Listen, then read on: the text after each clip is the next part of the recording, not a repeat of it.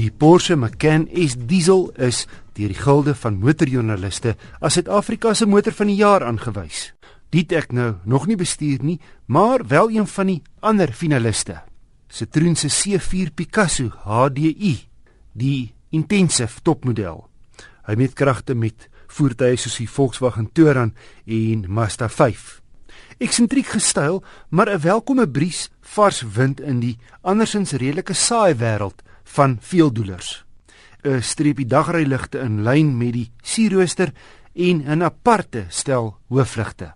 Spasie is volop. My drie kinders het die drie individuele sitplekke in die tweede ry waardeer.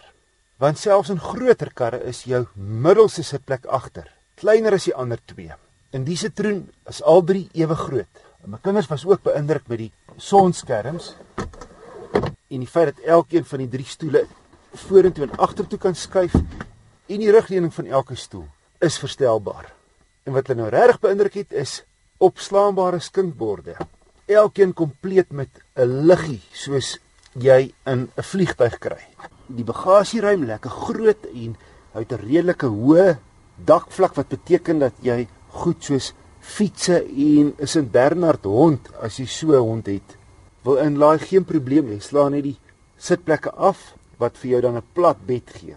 In die kajuit kry jy so 'n ruimtetuig gevoel, want die instrumentasie sit nie agter die stuurwiel nie, maar bo in die middel.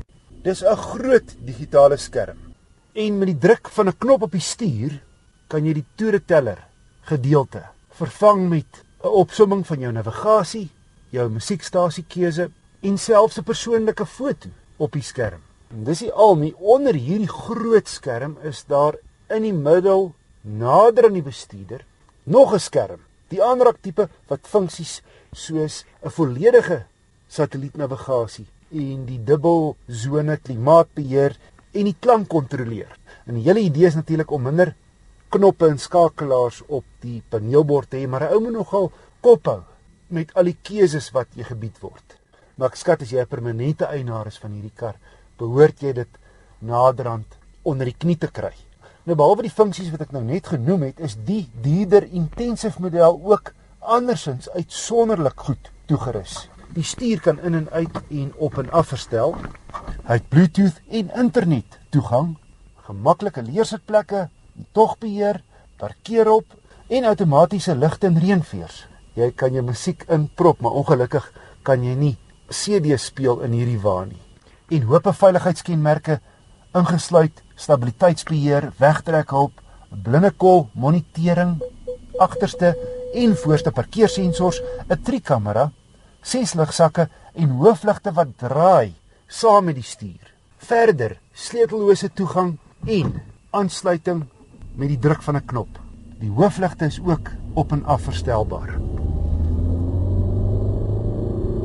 Sy 1.6 turbo diesel skop 85 kW en 270 Nm wrinkrag uit gekoppel aan 'n 6-spoed ratkas voldoende krag en verwag tot 1000 km op die 55 liter tank.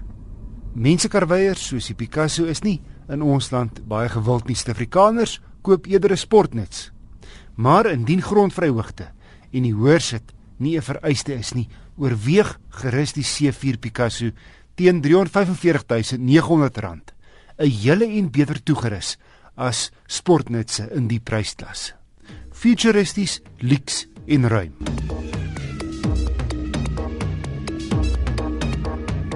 Alle Volvo's gaan binnekort 'n 2 liter 4-silinder petrol of diesel enjin hê met 'n stuk of 8 verskillende kraguitsette. Vat byvoorbeeld Volvo se groot nuwe XC90 wat vanjaar plaaslik bekend gestel word, die kragtigste petrol 2 liter model, het twee turbo aanjaars, 'n druk aanjaer en 'n elektriese motor wat 60 kW bydra. Gekombineer word byna 300 kW en 640 Nm gelewer, soortgelyk aan die krag van 'n Mercedes 500 ml met sy 4.7 liter V8 turbo masjien. En vir kleiner modelle kap Volvo net 'n silinder af vir 'n 1.5 3-silinder petrol of diesel met turbo-aanjaging. Ek het een van Volvo se waans met die splinternuwe 2 liter turbo gery. Sy XC60, dis so 'n medium grootte kruisvoertuig wat met die BMW X3 en Audi se Q5 meeding, het onlangs 'n verjongingskuur ondergaan wat baie gemaklik op die oog val. En opvallend is ook dagryligte agter. Dis 'n baie netjiese ry LED ligte. Binnekant nuwe jongste generasie instrumentasie en ander kosmetiese verbeterings, maar die grootste verbetering is onder die engine kap op die petrolaangedrewe T5 wat ek bestuur. Sy 2 liter turbo masjien skop nou 'n 180 kW en 350 Nm uit.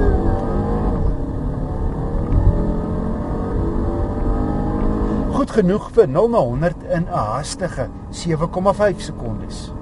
Belangriker is egter hoe glad die masjien saam met sy nuwe 8-spoed outokas sy ding doen. Hy loop nou ook sagter en feitelik geen sprake van turbo traagheid nie. Teen 'n aangeduide 120 lê die toere in agste rad onder 2000 en teen snelwegspoed doodstil. 'n Hoogtepunt is die sitplekke. Die is so naby aan perfek as wat jy kan kry. En terwyl die Duitsers vir die XC60 klop wat sportiwiteit aanbetref, kom min voertuie by die sitgemak van hierdie sweet. En gelukkig is die ritgehalte ook voortreffelik. 'n Magdom bykomende veiligheidskenmerke en Lexus is opsioneel beskikbaar teen 'n prys. Die XC60 T5 Essential is teen R539200 'n hele ent goedkoper as sy Audi Q5 en BMW X3 mededingers. Bygesê die Duitsers kom in 4 trek. Die Volvo trek net met sy voorwiele. En hier en daar is materiale nie heeltemal op die standaard van die Duitsers nie. Maar ure lank op die langpad sal die Volvo my keuse wees.